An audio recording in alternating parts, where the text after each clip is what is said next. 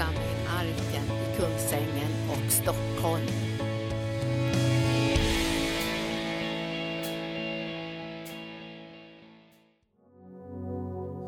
Ja, vi tackar och prisar dig Jesus för att äran och makten verkligen tillhör dig.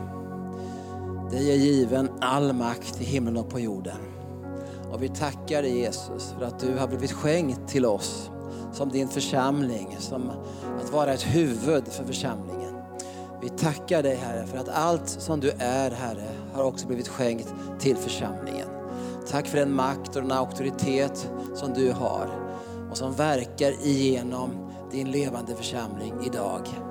Tack för den här eftermiddagen. Tack att du vill tala till oss, uppmuntra oss, ge oss nytt ljus Herre över det som du gör just nu. I Jesu namn. Amen. Ja, vad roligt att få komma till arken igen. Det är en stor förmån att få besöka er som eh, församling. Det känns underbart. jag känner igen, känner igen många av er här. Kända ansikten. Så att, eh, ja, det är underbart att möta er och känna den gudsnärvaro som finns här på, på arken.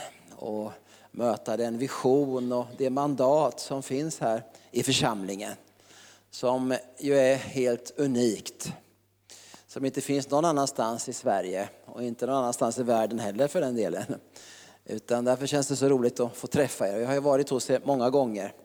Så att det känns som att komma hem. Jag känner mig inte som jag är borta utan hemma här. ja, eh, och eh, jag vet nu att ni har temat eh, församlingen, att älska församlingen. Och det är ett tema som jag älskar att tala om, att älska församlingen. Så jag ska dela mitt hjärta kring församlingen idag. Och eh, jag har ju två möten två möten, ett nu och ett lite senare. Och jag eh, tänkte dela upp mina möten här i, i två delar. Och jag tänkte likna de här delarna vid en pizza. Så att ni inte glömmer bort det. Det kommer att bli en pizzapredikan idag. Och eh, vi kommer att börja med första delen av pizzan här på eftermiddagen. Kanske den tråkigaste delen kan en del tycka, men den viktigaste tycker jag då. Va? Det är själva pizzabotten då. Nu vet jag att det är så med pizzor att de måste ha en botten. Eh, det, det, hur tråkiga de än är, själva botten så blir det ingen pizza. Om man bara lägger skinka och champinjoner och tomater och ost och räkor och sånt där eh, utan någon botten Ja, då vet jag inte vad det blir för någonting. Det blir en allmän röra, eller hur? och så är det med församlingen också. Om man bara har en massa gåvor och tjänster och, och smörjelser och visioner och sånt där. Som man bara lägger i en enda stor hög vet ni, utan en botten. Då blir det en enda röra. och eh, därför så är botten väldigt viktig. Som vi ska tala om här nu då. Nu finns det många sådana pizzor man kan köpa som det står extra av allt på. Eh, och sån, församlingspizzan också, den är extra av allt. Faktiskt, jag läste det var en pizza här alldeles nyligen och skrev så här, tänk om det fanns en pizza som innehöll allt som, som finns på alla goda pizzor, alltså i en enda pizza. Och nu är det faktiskt så, har jag läst, att det finns en eh, pizzeria i Sverige som har uppfunnit en sån pizza. Och pizzerian den heter Gul och blå och ligger i Piteå har jag läst. Jag har inte själv besökt den. Jag gör lite reklam här.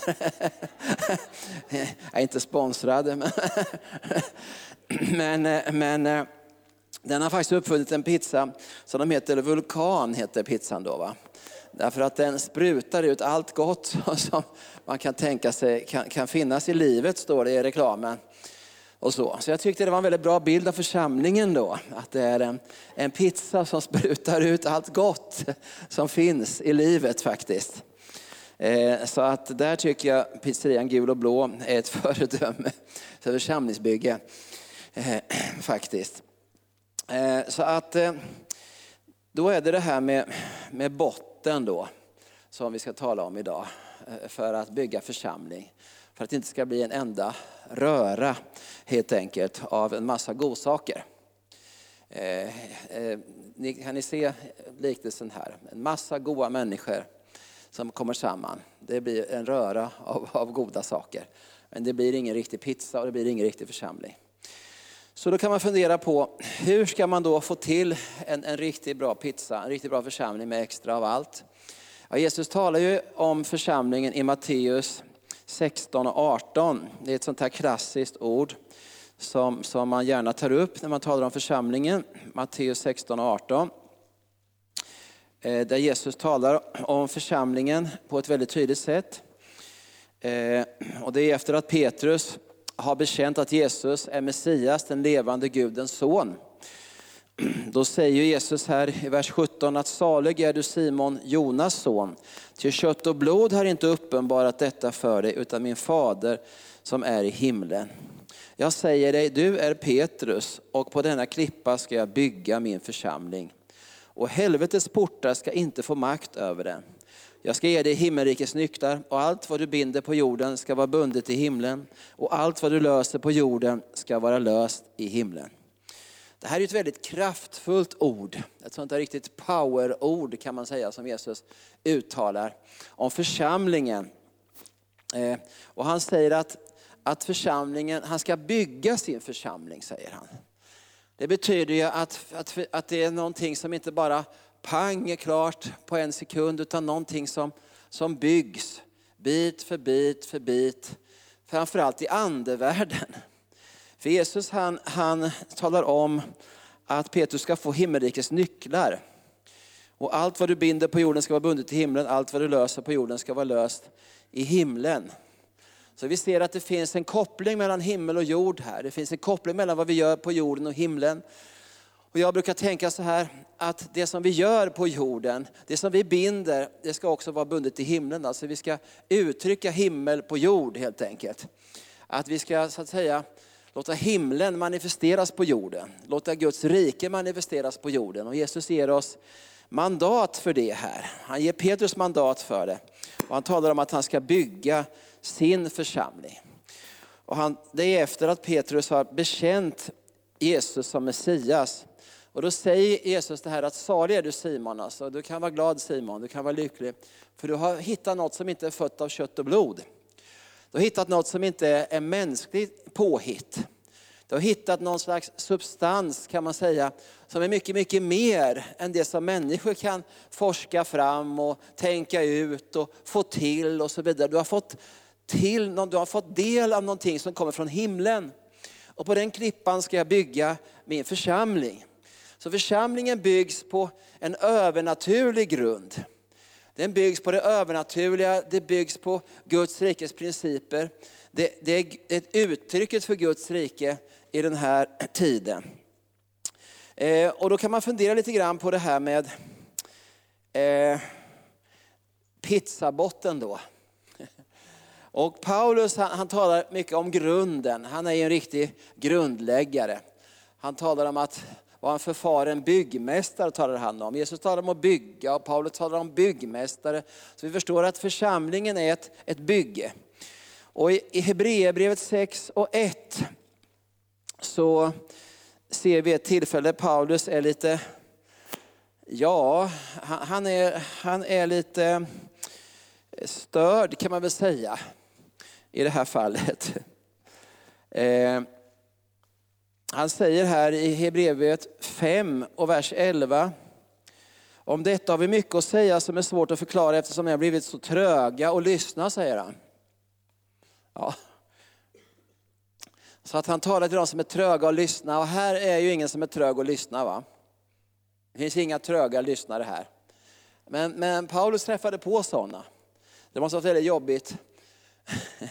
Så att han säger till dem så här, ty fast ni för länge sedan borde ha varit lärare, behöver ni någon som undervisar er igen i de första grunderna av Guds ord. Ni behöver mjölk, inte fast föda.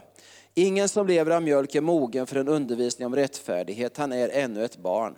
Den fasta födan är till för vuxna, för de som genom övning har fått sina sinnen skärpta till att skilja mellan gott och ont.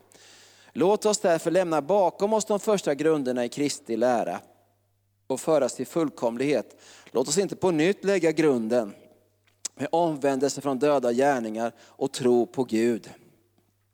Med undervisning om reningar och handpåläggning om de dödas uppståndelse och en evig dom. Ja, eh, det som Paulus säger här att de första grunderna, i den första grunden ingår omvändelse från döda gärningar och tro på Gud. Så man skulle kunna säga så här nu i den här eh, pizzapredikan, att eh, om vi ska lägga en grund först här idag. Eh, vi gör det fastän det inte finns några tröga lyssnare här så, så gör vi det ändå bara för att få ett perspektiv för, på det. Va? Och då talar han alltså om att omvändelsen är själva grunden för hela bygget kan man säga. För hela det andliga livet, för det kristna livet. Och därmed blir det också grunden för församlingsbygget, grunden för enheten, grunden för, för, för hela, ja, hela, hela projektet kan man säga. Det ligger omvändelsen då.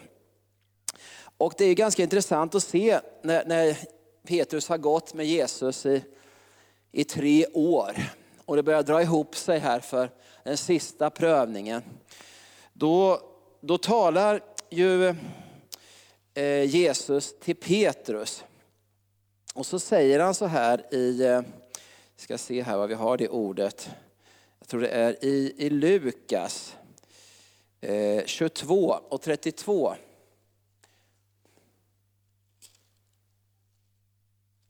Tjugotvå och 32. Eh, så är det dags för prövning. Det är så när man bygger ett hus, när man bygger någonting så ska det ju prövas och se om det håller. Och så funkar det också i församlingen, att när vi bygger församling så kommer det olika tider när bygget prövas. När alla lemmarna i församlingen prövas för att se om det är stabilt och stadigt. Om det tål någonting eller om det är bara som en vindpust som försvinner så fort det blir lite, lite press och så vidare.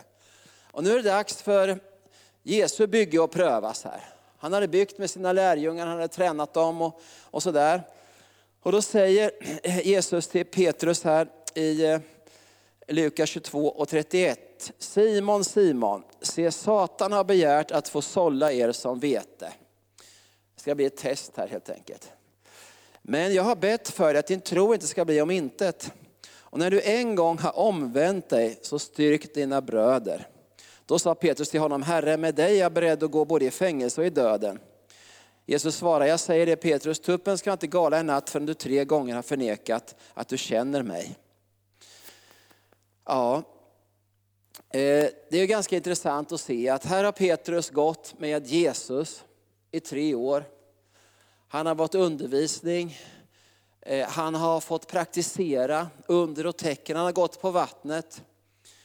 Han har varit på förklaringsberget, han har, han har liksom sett alla möjliga manifestationer som Gud har gjort och Guds rikes uttryck. Och här så säger Jesus till Petrus, när du en gång har omvänt dig så styrk dina bröder.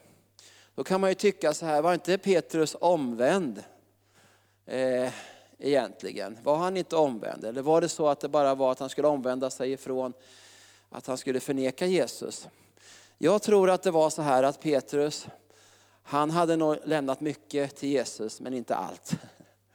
Det fanns fortfarande egna ambitioner kvar i Petrus liv. Det fanns fortfarande egna planer och drömmar som han hade tänkt att Jesus skulle uppfylla. Det fanns fortfarande en liten ingrediens i Petrus av att, eh, att ha en egen plan helt enkelt. Så var det. Och det märktes när Jesus delade visionen. Du vet när man delar visionen som jag förstår att Gunnar ska göra på söndag här. Det stod det i, i pålysningarna. Då blir man alltid utmanad på något sätt.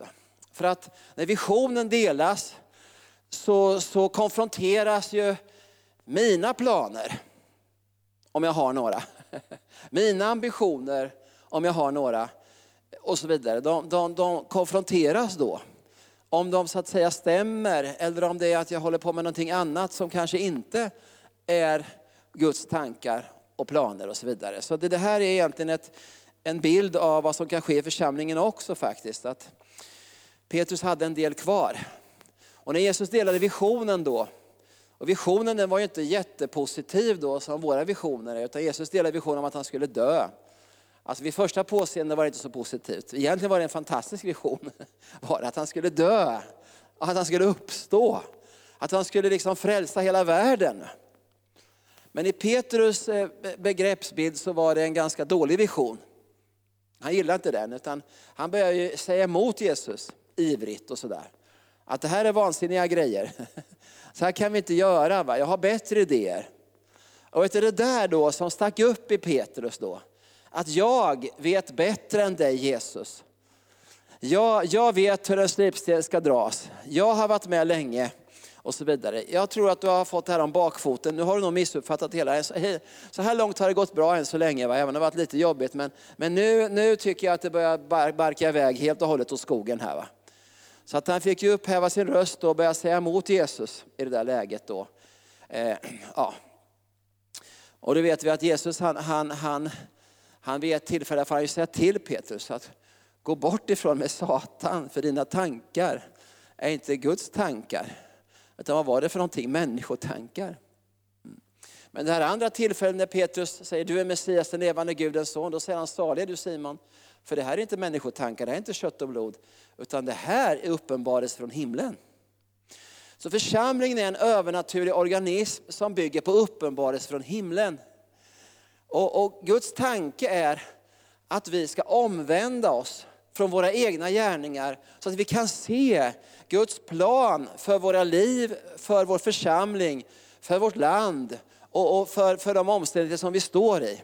Och kampen som är för oss hela tiden med församlingsliv, det är att våra tankar, våra planer, våra behov ibland krockar med Guds tankar, precis som det gjorde för, för Petrus då. Och då får Jesus säga det här att Petrus, när du en gång har omvänt dig, styrk dina bröder. Ja. Och här har vi pizzabotten. här ligger pizzabotten. Grunden för församlingen är ju omvändelsen Paulus säger det. Ska vi på nytt lägga grunden? Ska vi behöva på nytt lägga grunden med omvändelse från döda gärningar och så vidare?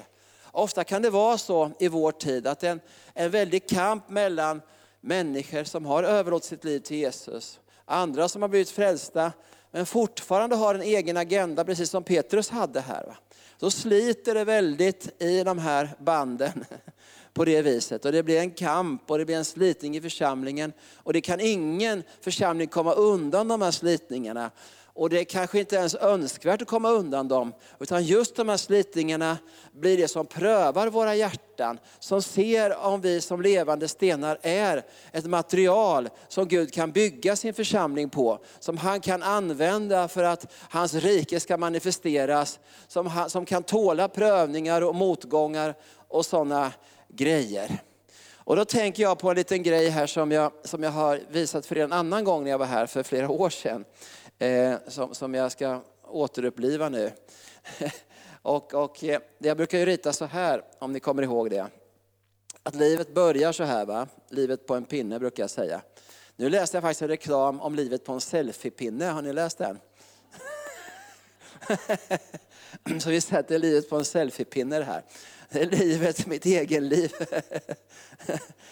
Eh, men hur som helst så, så ser, ser, ni, ser, ni, ser ni strecket här?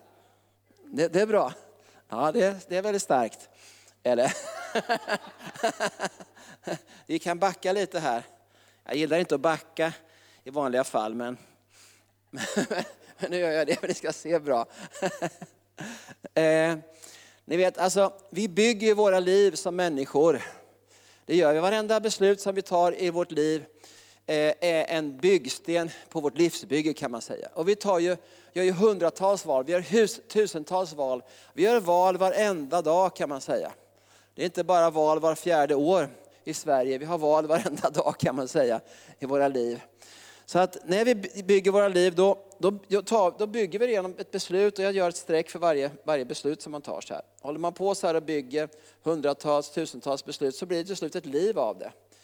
Och den här gubben nu då, som jag ritar här, så där. Han har byggt sitt liv här.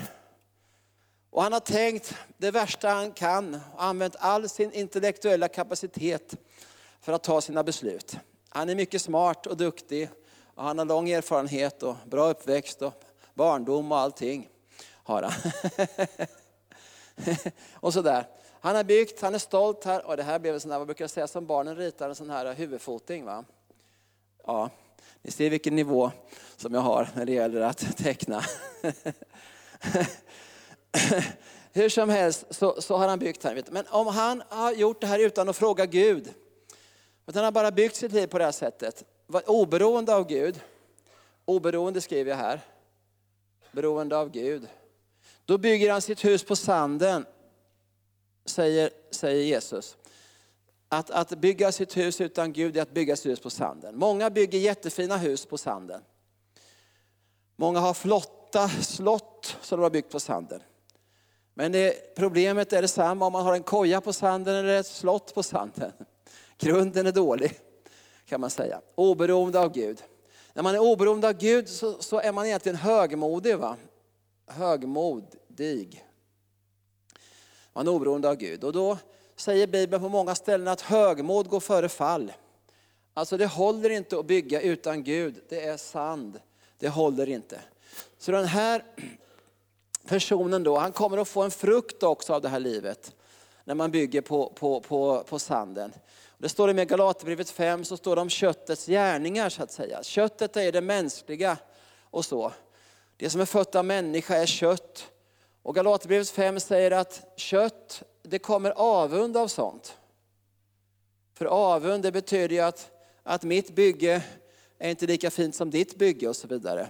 Man konkurrerar med varandra då när man bygger utifrån sitt eget.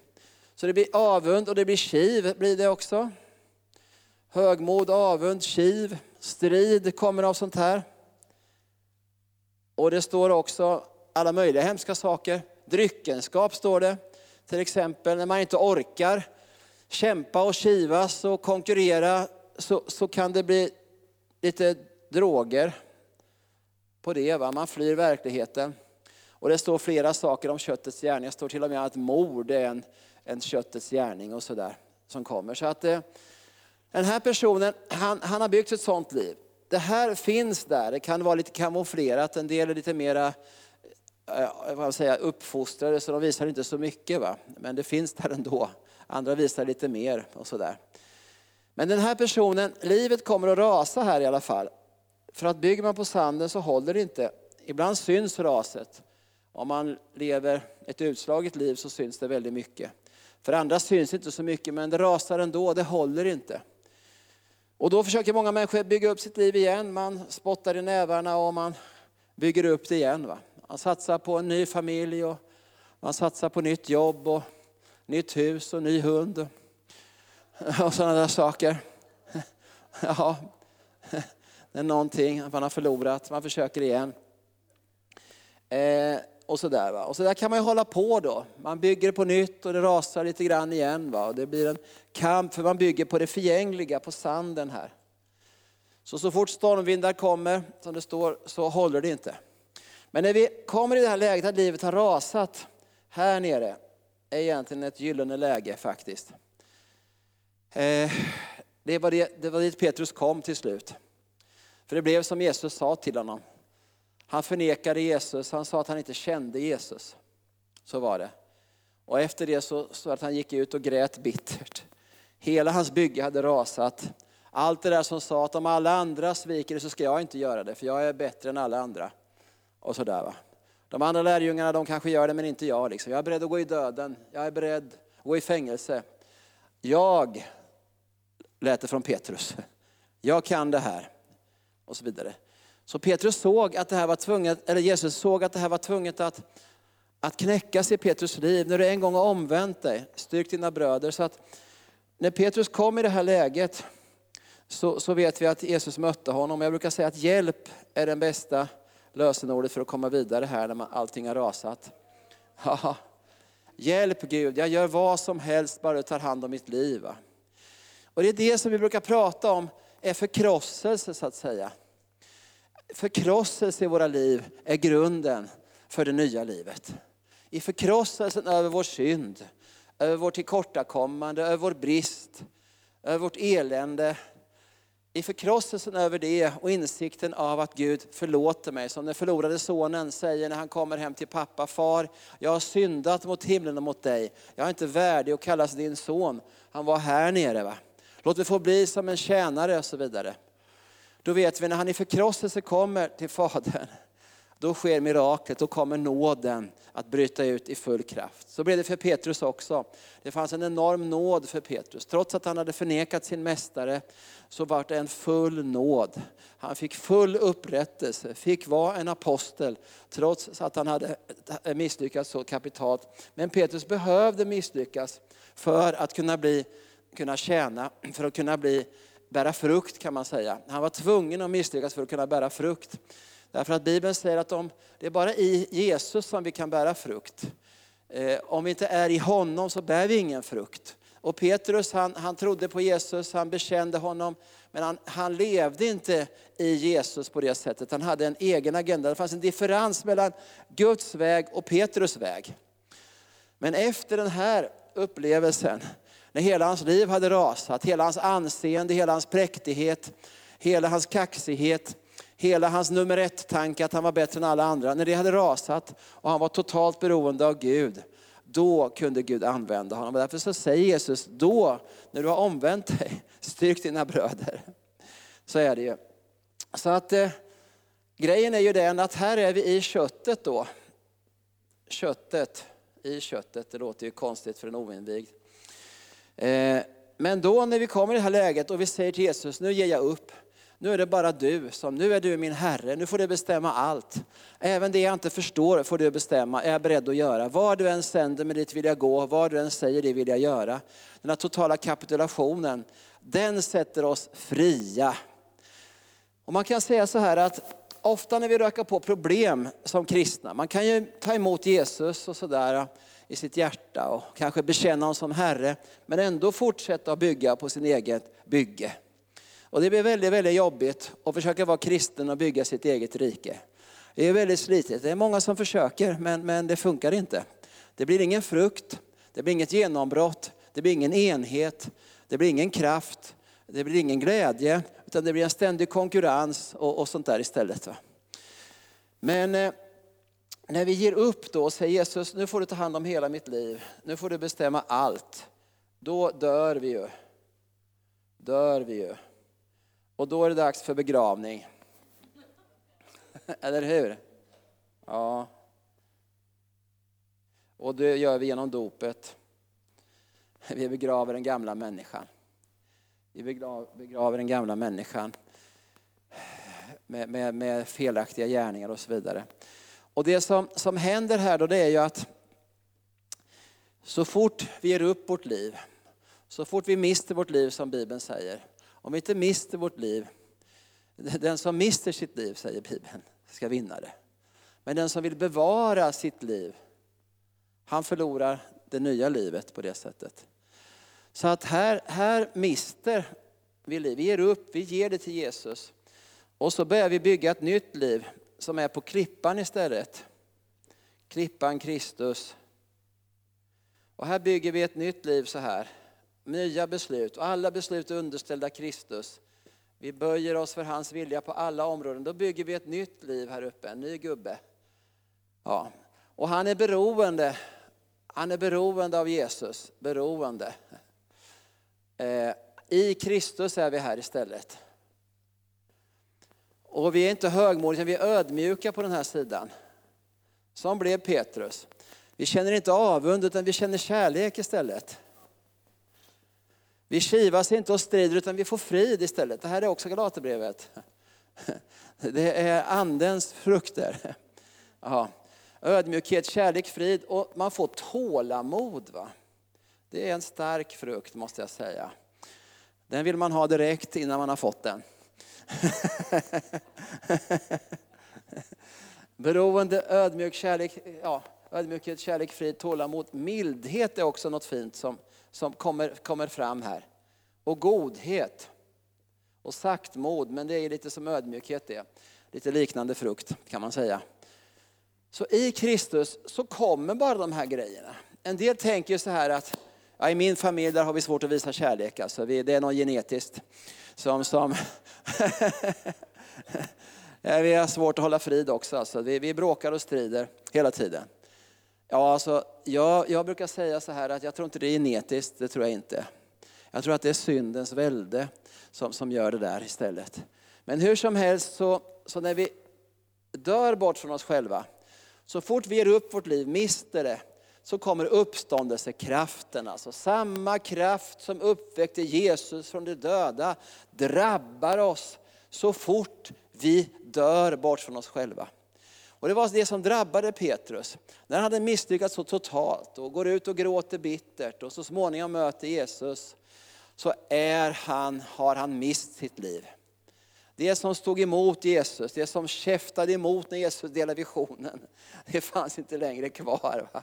Utan det var bara dött och han ville bara följa Jesus. Va?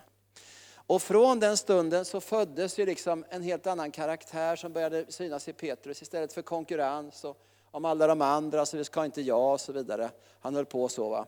Och det höll ju lärjungarna på med ganska mycket, vem som var den största och vem som skulle sitta på vänster och höger sida i himlen. Och det var mycket grejer va? som de höll på med. Men efter det så står det ingenting om det Eh, sen, sen längre fram, att de höll på att fråga vem som liksom, skulle sitta här eller där. Utan det verkar som att de var genombrutna, va? de var beroende, ödmjuka, kärleken flödade eh, på ett underbart sätt.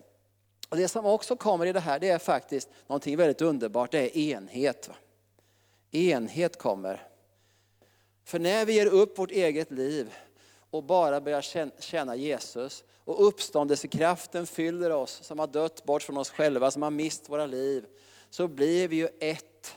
Det är lätt som en plätt, vi blir ett i Kristus när vi dör bort från oss själva. För splittring är egentligen bara att vi har en massa egna projekt. Va? En massa egna grejer, vi ska göra si, vi ska göra så, vi tycker det, vi känner för det, vi har mer lust med det, men vi är vana vid det. Och det är allt möjliga saker och vi tycker och vi tänker och vi håller på hela tiden.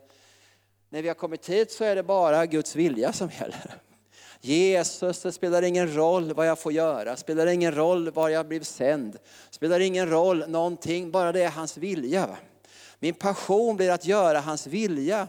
Och då finns det inget att konkurrera om, det finns inget att bråka om. Vad som än är hans vilja är min passion helt enkelt. Så det här är väldigt, väldigt bra. En sak till som man får här som saknas på den här sidan, det är uppenbarelse. Precis den där ingrediensen i pizzan som Jesus sa till Petrus att han var salig av. Det var uppenbarelse. Uppenbarelse hade Petrus. Han sa, det sa han, hade han en liten grej innan där. Uppenbarelse. Barelse. Sa det, du, du Simon, för det här är inte kött och blod uppenbarat. Det här har du inte hittat på själv med din, med din smarta hjärna. Det här har du fått, det här har du fått se uppenbarat. Och församlingen bygger på uppenbarelsen om Kristus. På denna klippa ska jag bygga min församling och helvetets portar ska inte vara henne övermäktig.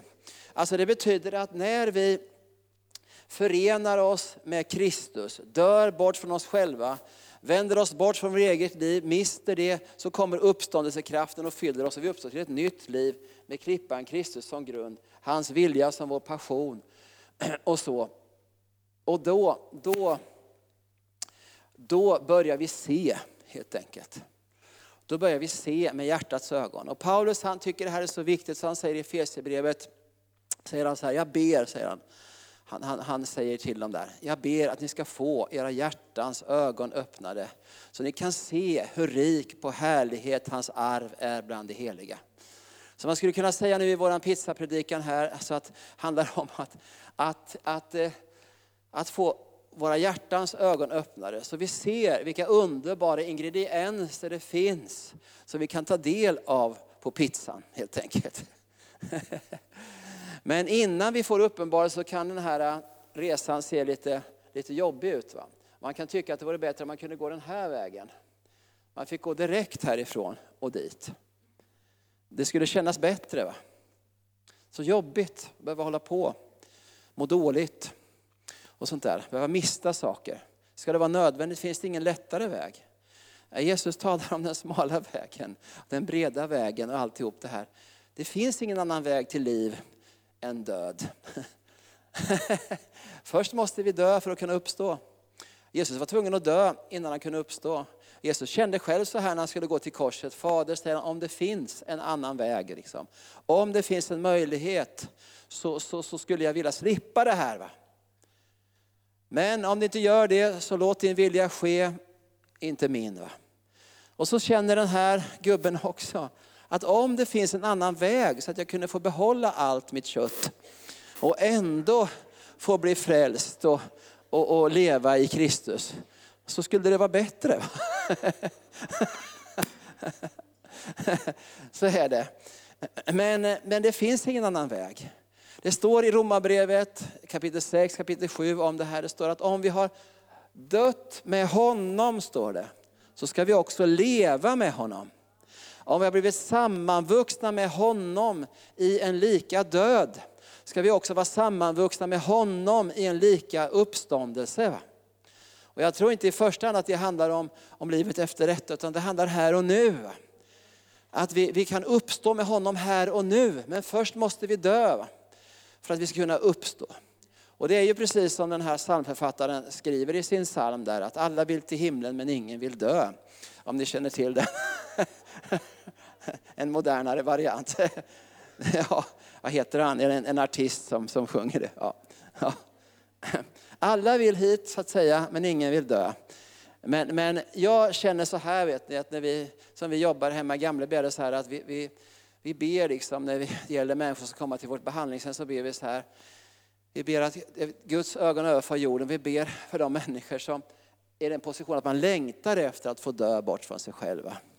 Att man längtar efter att missa sitt liv, man längtar efter ett nytt liv. Man är så trött på sig själv, på sina egna projekt, så man längtar efter att få ett nytt liv. Det är underbart. Va? Och det är så underbart att det här är ju församlingen. Här är församlingen. Det är vi som har blivit utkallade ur världen, utkallade ur egenlivet, utkallade ur det frånvända tillståndet som vi har haft emot Gud och vi har uppstått till ett nytt liv i Kristus. Det här folket, det blir det folket som är lärjungar och Bibeln säger att vi ska gå ut och göra alla folk till lärjungar. Och vi ska lära dem att hålla allt som han har befallt. Va? Då fanns det ingenting kvar här. För allt som han har befallt skulle vi göra bara. Vi skulle lära folk att hålla allt som han har befallt. Och gör vi det, då, då lever folk här då, och vi har lärt dem det. För här gör man mest det man själv har befallt. Man, och så. Så när, när Adam och Eva åt av frukten så vände de Gud ryggen. Och Petrus när han då har gått igenom den här dödsprocessen och fått det nya livet och blivit fylld med ande och kraft och reser sig upp på pingstdagen och kör på så det ryker. Han kör så starkt och det är en sån smörjelse när Petrus predikar på pingstdagen så, så, så människor som det står får ett stygn i hjärtat, står det i Apostlagärningarna 2. Det blev en hjärtträff, vart det, alltså. en träff rakt i hjärtat.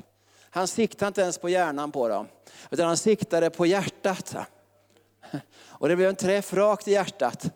Och när de blev träffade i hjärtat, står det i Apostlagärningarna 2, vad står det så? Då ropade de rakt ut, de blev så förkrossade blev de i det läget.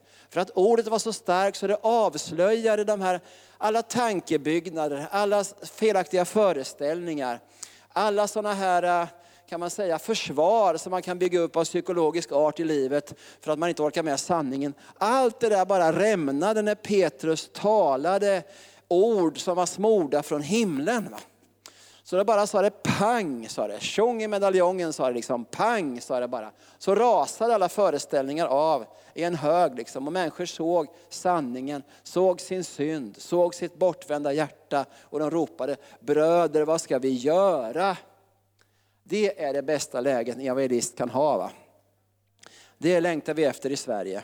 Så ska det bli på arken här på mötena. De ska ropa, vad ska vi göra? Och då är det intressant, vet du. det är det underbaraste som finns när det blir så. Va? En hjärteträff.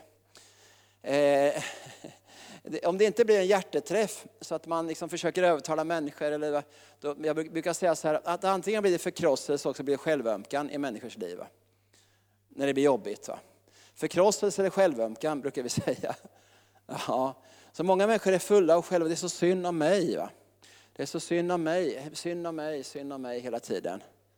Eh, och sådär va. Det är synd om mig. Jag är, ja det är hemskt vad synd om mig. Så vill man ha lite medömkan och sådär hela tiden va. På det sättet. Men, men eh, Petrus, han, han, led inte av, han skulle ju haft självömkan efter att han förnekat Jesus egentligen. Vad hemskt vad det var jobbigt det här liksom. Man ska behöva hålla på så här tre år liksom, till ingen nytta. Här har man kämpat och nu så har Jesus dött. Liksom. Och så ska man behöva förneka honom också. Att man ska behöva bli så pressad så att man förnekar. Det, det, det, det är hemskt alltså. Jag tycker att det är för mycket nu. Han kunde ha varit full, fullt av sånt. Kunde varit. Och den förlorade sonen ska vi inte bara prata om. Han kunde ju ha tyckt fruktansvärt synd om sig själv. Han som hade levt livet nu och så fick han utstå hungersnöd, står det. Och inte nog med det fick han en hemsk arbetsgivare som inte alls följde någon arbetsmiljölag eller någonting. Han fick inte ens mat. Va? Han hade verkligen grejer att gnälla över. Han kunde kommit hem till sin pappa och sagt att det är jättesynd om mig. Det har varit hemska människor jag har mött på här i främmande land. Och sådär va. Ja, så pappa skulle trösta men stackars lilla gubben, det var, inte, det var inte så du tänkte.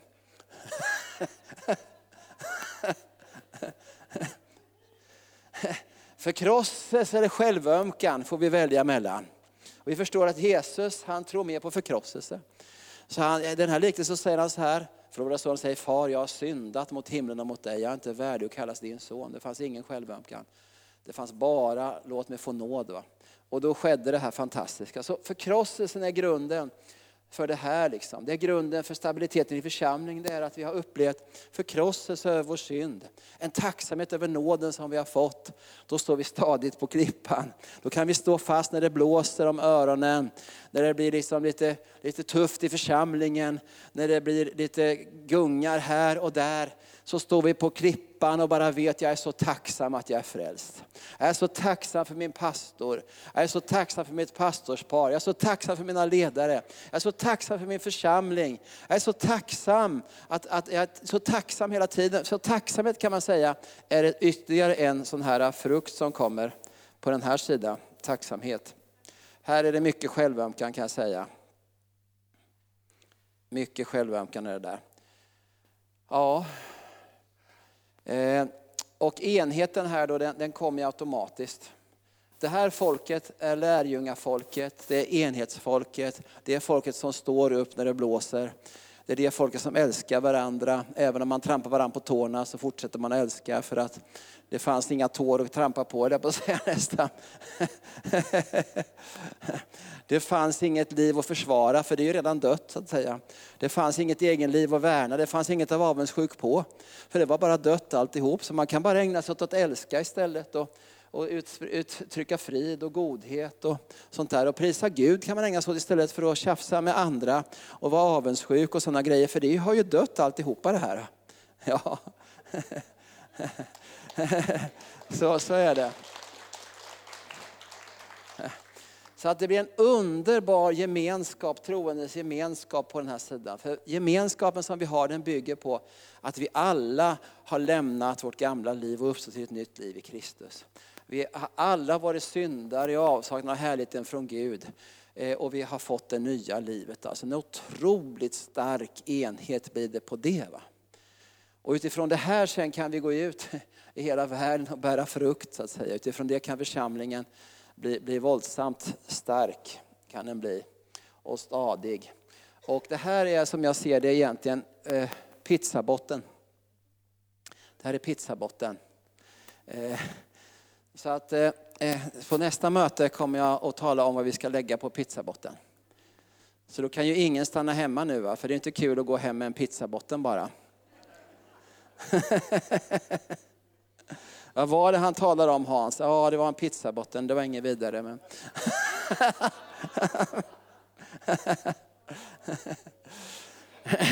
Eh, så att, så att, eh, nästa då ska vi tala lite om vad, man ska, vad vi kan lägga på, på den här pizzabotten då, av, av underbara saker. Va? Det kommer att handla om extra av allt alltså. Det kommer att vara en sån här äh, pizza, en vulkanpizza från Piteå. Pizzerian Gul och Blå. Där, där, där allt gott som finns i livet sprutar ut, står det här. Det, det, är, det är det livet som församlingen egentligen har. Va? Om det finns en botten eh, så är det faktiskt. Eh, ja, och Jesus säger så här i Lukas 14 och 24 att för att ytterligare understryka det här att om vi inte om vi inte hatar, och så säger han en massa saker som vi ska hata här som vi tycker är viktiga, så kan ni inte vara mina lärjungar. Så man kan säga så här att allt som vi sätter så att säga på en högre position än Kristus hindrar oss från att vara hans lärjungar. Så ibland pratar vi mycket om lärjungaskap om man säger att man är lärjungar i lärjungaskap. Men lärjungaskapets grundprincip är att vi mister oss själva innan vi kan bli hans lärjungar. Vi kan inte vara hans lärjungar om vi inte först har mist våra liv. Det går inte, då blir det någonting annat av det. Ja, ha, ja det, det var väl egentligen den här pizzabotten jag tänkte på här nu på eftermiddagen. Ska inte hålla på för länge. Eh, utan jag tror jag får ta, ta resten sen efter, efter rasten, eller vi ska kalla det. Vi kan be tillsammans kan vi göra. Fader, vi tackar och prisar dig. För att du har berett en väg för oss där vi kan mista vårt liv, Herre. Vårt eget liv, Herre. Med alla våra egna ambitioner och mänskliga tankar och allt det här som vi är så trötta på, Herre. Tack att du har banat en väg för oss där vi kan få dö bort ifrån det. Och tack Herre för att du också har banat en väg för oss där vi kan få uppstå till ett liv tillsammans med dig Herre. Ett liv i enhet, i kärlek, i frid Herre. Tack Herre att du har grundat församlingen Herre och att du har gett ett mandat för en levande Gudens församling Herre. Som är övervinnande i alla situationer Herre. Tack för ett folk som finns i Sverige av pånyttfödda, uppståndna med dig. Ett folk som är över, inte under, huvud och inte svans Herre. Vi prisar dig för att vi ska få titta på det nästa möte. I Jesu namn. Amen.